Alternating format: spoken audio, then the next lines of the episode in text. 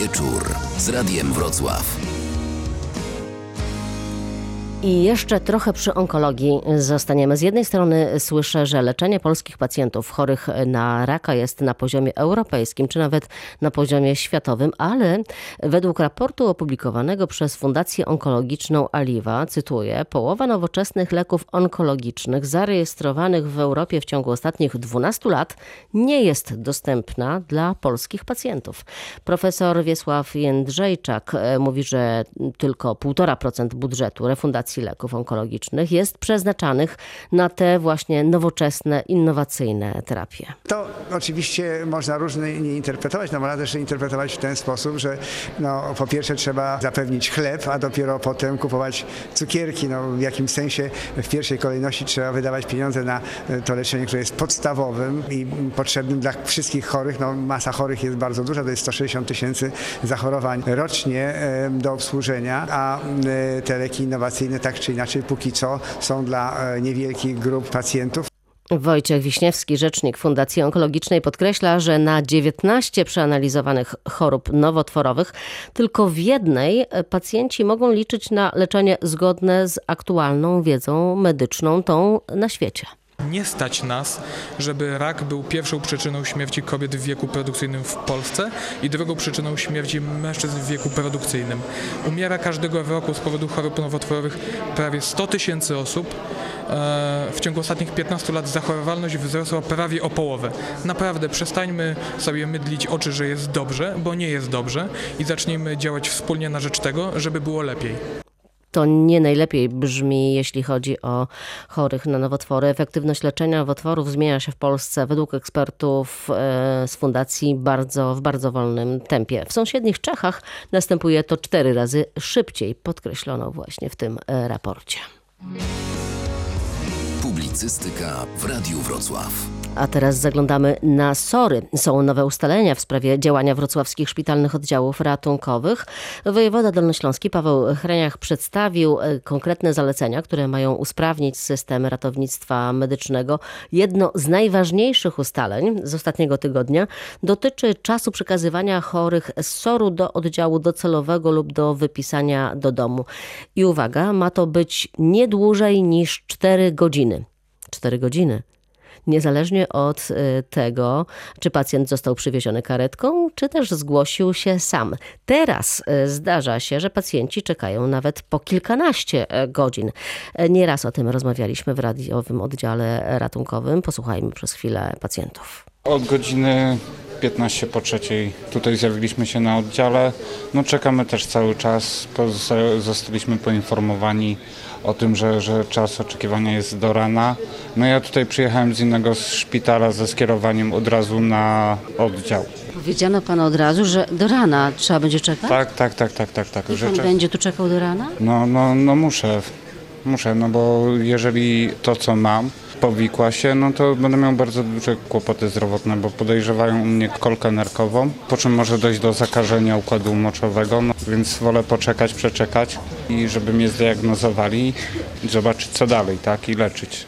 Czasem też się wcześniej zdarzało bywać na, na, na sorze tutaj we Wrocławiu, jak i tak samo we Warszawie, bo mieszkam przez pewien czas w Warszawie i to co tu się dzieje akurat w tym szpitalu, no to jest porażka jest porażka, bo w innych szpitalach jest to w ten sposób robione, że przyjeżdża pogotowie, to jest brany jeden pacjent z pogotowia, jeden tutaj, który przyszedł na, o, o, o własnych siłach, a tutaj jest najpierw tak, że najpierw karetki i helikopter, a dopiero później pacjent, który dostał się na własnych nogach. Ja tutaj już się śmieję do mojej narzeczonej, że człowiek od samego siedzenia potrafi wyzdrowieć. Tam jest kilkadziesiąt osób, a pani, która w kolejce? Nie wiem, która jestem w kolejce, bo to razem z mężem czekamy od godziny 14. Czyli już ósma godzina. Do godziny 19 byliśmy właśnie przy przyjęciu, żeby w ogóle kartę założyli. I czekamy teraz tutaj na przyjęcie do lekarza, żeby lekarz dopiero męża zobaczył, ewentualnie badania jakieś zlecił czy cokolwiek.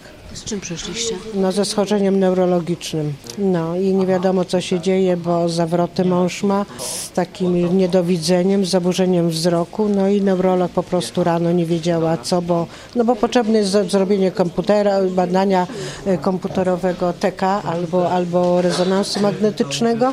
No więc, żeby to zrobić szybko, zdiagnozować, bo te zawroty są praktycznie co drugi dzień, tak się nasiliły. No i przyjechaliśmy właśnie tutaj, bo najpierw byliśmy w szpitalu wojskowym na Wejgla. Praktycznie od rana, od godziny 11 krążymy po, po lekarzach.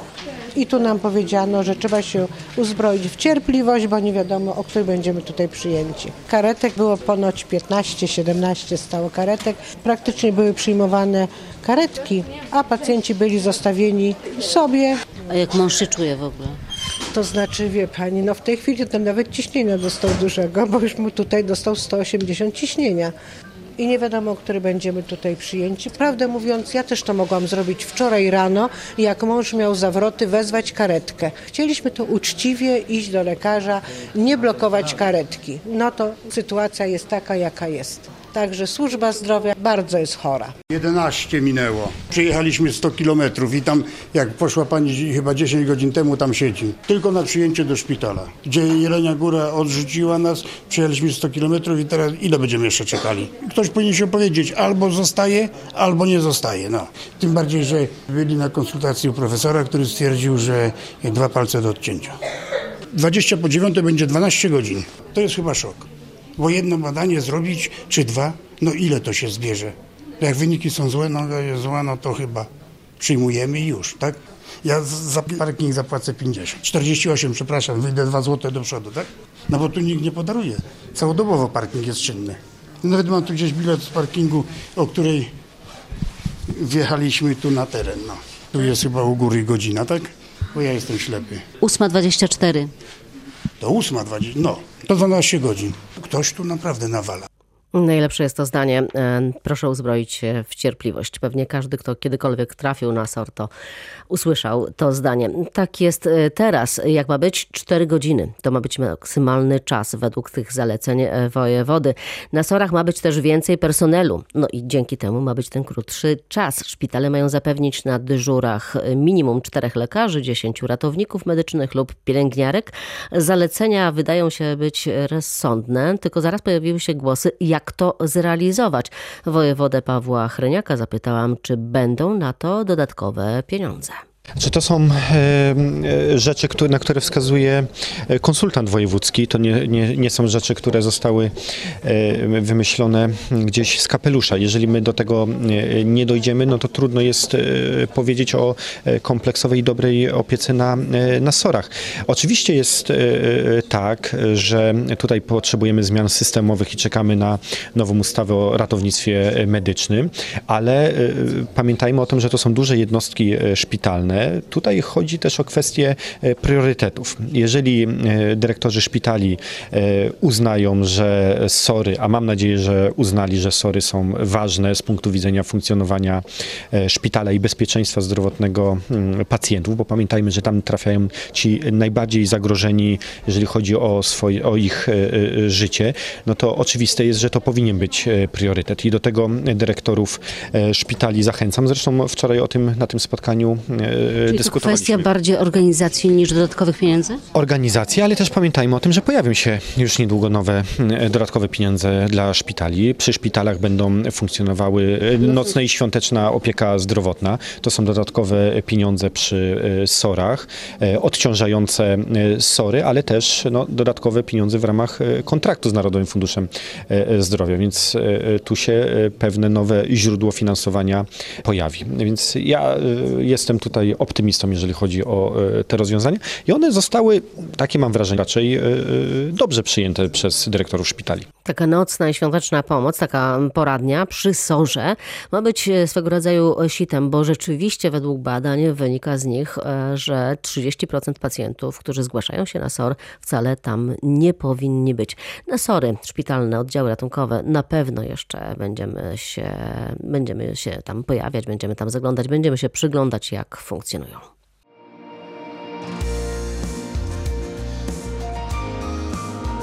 Wieczór z Radiem Wrocław. A teraz sprawa, która budzi emocje, kontrowersje związane z wyborem nowego dolnośląskiego konsultanta wojewódzkiego do spraw ginekologii. Kandydatem na to stanowisko jest profesor Marian Gabryś, który w środowisku medycznym jest znany jako przeciwnik antykoncepcji, in vitro czy aborcji nawet ze względów medycznych. Specjalista otrzymał już pozytywną opinię Dolnośląskiej Izby Lekarskiej, ale przeciw są politycy. Politycy innymi nowoczesnej, którzy wystąpili do wojewody o przeprowadzenie konsultacji społecznych w tej sprawie. Poseł Joanna Augustynowska przekonuje, że kandydaturę profesora Gabrysia należy zablokować żeby kobiety miały prawo do bycia leczonym przez lekarzy, a nie przez teologów. I my mamy prawo korzystać z dobrodziejstw medycyny i korzystać ze wszystkiego, co się z tym wiąże. Jeśli lekarz ma wątpliwości i chciałby wykorzystywać klauzulę sumienia, to niech to robi prywatnie w domu albo niech przestanie być lekarzem. Z profesorem e, Marianem Gabrysiem udało nam się rozmawiać telefonicznie. Odpiera zarzuty nowoczesnej do pewnego stopnia współczuję tym ludziom, którzy protestują. Odnoszę wrażenie, że zostali y, zmanipulowani, w związku z czym zostałem przez pewnych ludzi osądzony, wyrok został wydany. Jeżeli tak ma wyglądać demokracja, to ja szczerze gratuluję w rozmowie z Radiem Wrocław profesor Gabryś przekonuje, że jego poglądy nie stoją w sprzeczności z funkcją wojewódzkiego konsultanta do spraw ginekologii. Ginekologia i położnictwo nie składa się tylko z antykoncepcji in vitro i przerwań ciąży. To jest ogrom schorzeń, które stanowią zdecydowaną większość problemów kobiecych no i jeszcze jedna opinia miejska. Radna Magdalena Razik-Trzyszka dodaje, że kobiety mają prawo być leczone przez lekarzy, a nie teologów. A tymczasem kandydat jest, y, jej zdaniem, jest y, sygnatariuszem tzw. Tak deklaracji y, wiary powoływanie w tym momencie na konsultanta ginekologicznego osoby, która traktuje prawo kościelne ponad prawem Rzeczpospolitej, jest dla nas co najmniej próbą zniweczenia całego dorobku Dolnego Śląska w dziedzinie opieki okołoporodowej i neonatologii. Politycy chcą konsultacji w sprawie powołania konsultanta. Rzecznik wojewody Sylwia Jurgiel ma krótką odpowiedź. W ocenie wojewody dolnośląskiego profesor Marian Gabryś to wybitny specjalista w dziedzinie ginekologii, to jest dobry kandydat na wojewódzkiego konsultanta w tej dziedzinie i jego wiedza, doświadczenie no, będą służyć mieszkańcom Dolnego Śląska. Wygląda na to, że konsultacji raczej nie będzie. Ostateczna decyzja ma zapaść na przełomie marca i kwietnia. Oczywiście, jeśli pan profesor przyjmie od nas zaproszenie, to chętnie zaprosimy go do studia i chętnie porozmawiamy z nim w radiowym oddziale ratunkowym. Publicystyka w Radiu Wrocław. Jaskra jeszcze dzisiaj. O Jaskrze chciałam Państwu powiedzieć. Jest taka kampania edukacyjna zorganizowana przez Urząd Miejski we Wrocławiu i specjalistów z Uniwersyteckiego Szpitala Klinicznego pod hasłem Jaskra nie boli, kradnie wzrok. Chodzi o namówienie wrocławian do profilaktycznych badań wykluczających tę chorobę, mówi Jadwiga Ardali-Książek z Wydziału Zdrowia Urzędu Miejskiego. Zależy nam przede wszystkim na tym, żeby mieszkańcy usłyszeli, czym jest jaskra, że jest to niezwykle groźna choroba, na którą należy zwracać uwagę w rodzinach szczególnie obciążonych ryzykiem e, genetycznego jej występowania i przede wszystkim nie bagatelizować przynajmniej raz na dwa lata wizyty u lekarza okulisty, bo to jest naprawdę wizyta bezbolesna, a jednocześnie dająca możliwości wykrycia wielu różnego rodzaju schorzeń dotyczących nerwu wzrokowego i gałki ocznej. Nie badamy się w tym kierunku. Nie badamy się, bo w ogóle nie wiemy, że możemy mieć ten problem. E, jak e, słyszeliśmy, jaskra przebiega w sposób taki dosyć utajniony i daje objawy już e, wówczas, kiedy jest bardzo zaawansowana choroba, a wtedy niestety leczenie jest mniej skuteczne, a może nawet doprowadzić do ślepoty. Lekarze apelują o zgłaszanie się na badania. Nie ma wielkich kolejek, wystarczy pójść do pierwszego z brzegu okulisty. Kto jest w grupie ryzyka, tłumaczy okulista profesor Marta Misiuk-Hojło. Występowanie jaskry w rodzinie jest to czynnik ryzyka. Niskie ciśnienie tętnicze krwi. Leczenie nadciśnienia zbyt tętniczego zbyt wysokimi dawkami leków, co powoduje w nocy spadki ciśnienia tętniczego, a więc mimo, że pacjent jest przekonany, że ma nadciśnienie tętnicze leczone, to w nocy ma niedociśnienie i to też jest czynnikiem ryzyka jaskry pierwotnej otwartego kąta. Krótkowzroczność, kolejny czynnik ryzyka, zaburzenia gospodarki lipidowej, i pamiętajmy też o tym, że ci pacjenci, którzy mają zimne stopy, zimne dłonie, a więc mają takie naczynio-skurczowe objawy, również są w grupie ryzyka e, wystąpienia jaskry. W większości, dopóki nie boli, to się nie badamy. Czym to grozi? Grozi to badaniem dopiero wtedy, kiedy spada ostrość wzroku, co się dzieje w przypadku jaskry do, dopiero po wielu latach trwania choroby. Ból się może w ogóle nie pojawić w tej postaci jaskry, która najczęściej występuje w Polsce. A jeśli już pacjent zgłasza się, który okazuje się, że jest chory na jaskrę z powodu gorszego widzenia, to już jest bardzo zaawansowane stadium. Wtedy możemy jedynie uratować to słabe widzenie, ale już absolutnie nie potrafimy cofnąć jaskry, która zniszczyła nerw wzrokowy. Tak naprawdę y, każdy moment jest dobry, oprócz momentu, kiedy pacjent nie ma światłopoczucia. Pacjent, który nie ma światłopoczucia, to jest już kompletnie nie do uratowania. Ale z punktu widzenia e, pacjenta, to taki moment dla niego dramatyczny, to jest taki moment, kiedy jego mm, ostrość wzroku y, ogranicza się do tego, że potrafi powiedzieć, jak się przesuwa ręka lekarza przed okiem. Lekarz ruszy, rusza w bok, z góry na dół. Jeśli pacjent jeszcze potrafi powiedzieć, czy ten cień się przesuwa z góry na dół, czy w bok, jeszcze jest szansa, że cho chociaż to uratujemy. Że pacjent nie będzie żył w kompletnej ciemności, tak jak jest to wtedy, kiedy nie ma światłopoczucia, ale przynajmniej będzie widział cienie. Nawet oczywiście, że my uważamy, że w takim mieście jak Wrocław, czy w ogóle w Polsce nie powinniśmy dopuścić aż do takich sytuacji, prawda? Ale to jest tak, odpowiedź na Pani pytanie. Na pierwszy rzut oka, w sensie takim, na pierwszy rzut oka na przykład lekarza ogólnego, bądź rodziny pacjenta, bądź samego pacjenta, przez kilka lat tych objawów nie ma. To znaczy, pacjenta oko nie boli, pacjent widzi dobrze, ma niewielkie zmiany w polu widzenia, czego nie jest w stanie zaobserwować, bo pole widzenia jednego oka jest wspomagane przez pole widzenia drugiego oka. Oko nie jest czerwone, a więc tak naprawdę, jeśli pacjent nie, nie ma wykonywanych badań w tym czasie, a ma już początki jaskry, ponieważ na przykład zgłosił się po okulary do okulisty, to ona nie zostanie wykryta. Także jeszcze raz apeluję, żeby ci pacjenci z tych grup ryzyka, które wymieniłam, przy na przykład doborze pierwszych okularów do bliży, a tak naprawdę jeszcze, jeszcze wcześniej, ale już na pewno przy e, doborze, a to się dzieje między 38 a 40 rokiem życia, prosili o badanie wykluczające jaskrę. Mówię optymistycznie, wykluczające jaskrę, prawda? Uważam, że wystarczy jeden czynnik ryzyka stwierdzić. Nie ma co czekać, bo to jest zbyt dramatyczna sytuacja, utrata wzroku, żebyśmy ryzykowali nie pójście e, na wizytę, która nie jest wizytą bolesną.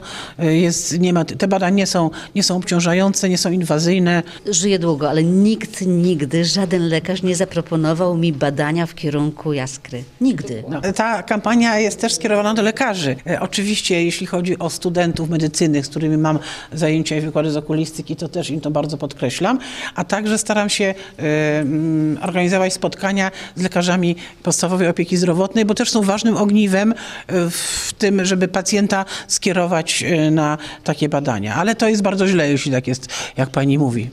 Lekarz nie musi powiedzieć pacjentowi, proszę pana, ja teraz będę pana badał w kierunku jaskry, bo niepotrzebnie pacjenta może zdenerwować, ale powinien obejrzeć dno oka i powinien zmierzyć ciśnienie oka. No już pole widzenia też, ale to wtedy to jest dłuższe badanie wymagające y, jeszcze y, polomierza specjalnego, ale to, to dwie rzeczy. Powinien mieć zmierzone ciśnienie pacjent i y, powinien mieć zobaczone dno oka. I powiem szczerze, że ja znam takie ośrodki, gdzie to jest po prostu taki rutynowy standard, ale nie twierdzę, że to są wszystkie ośrodki. Ja nie chcę Państwa jakoś specjalnie denerwować, ale zadam takie pytanie, czy Państwo mieli badanie w kierunku jaskry? Jeśli ktoś e, ma ochotę dowiedzieć się więcej, to będzie taka okazja na otwartym spotkaniu na ten temat 20 marca w sali wykładowej przy Placu Solidarności. Początek tego spotkania o godzinie 16. Wszyscy chętni są tam zaproszeni. Jeszcze na koniec e, historia, o której mówiliśmy w naszych serwisach, ale jest tak ładna, że warto ją przypomnieć. Stulatka niemal dokładnie na swoje urodziny odzyskała wzrok. Do tej pory jej bliscy uważali, że oślepła po prostu ze starości. Taką diagnozę prawie dwie dekady temu miała jej postawić okulistka. Kiedy kobieta trafiła do ośrodka dla seniorów w Krzeszowie, jego pracownicy wspólnie z wnuczką staruszki mieszkającą w Niemczech, Barbarą Wiedemann, zaczęli szukać dla niej pomocy. Okazało się, że jedno oko można uratować, bo jest po prostu dotknięte zaćmą. Operację przeprowadził błyskawicznie, bo w trzy tygodnie szpital w Jeleniej Górze. W czasie uroczystości setnych urodzin Józefa Sidor mogła wreszcie zobaczyć prawnuki.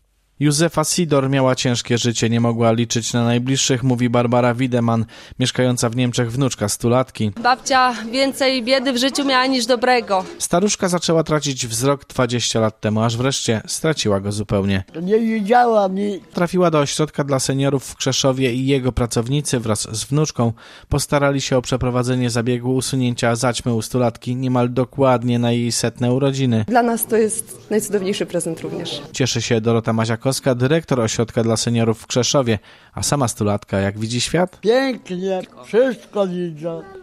Pięknie, proszę Państwa. Tą relacją Piotra Słowińskiego kończymy dzisiejszy radiowy oddział ratunkowy. Elżbieta Osowicz, dziękuję najmocniej za uwagę. Do usłyszenia za tydzień. Publicystyka w Radiu Wrocław.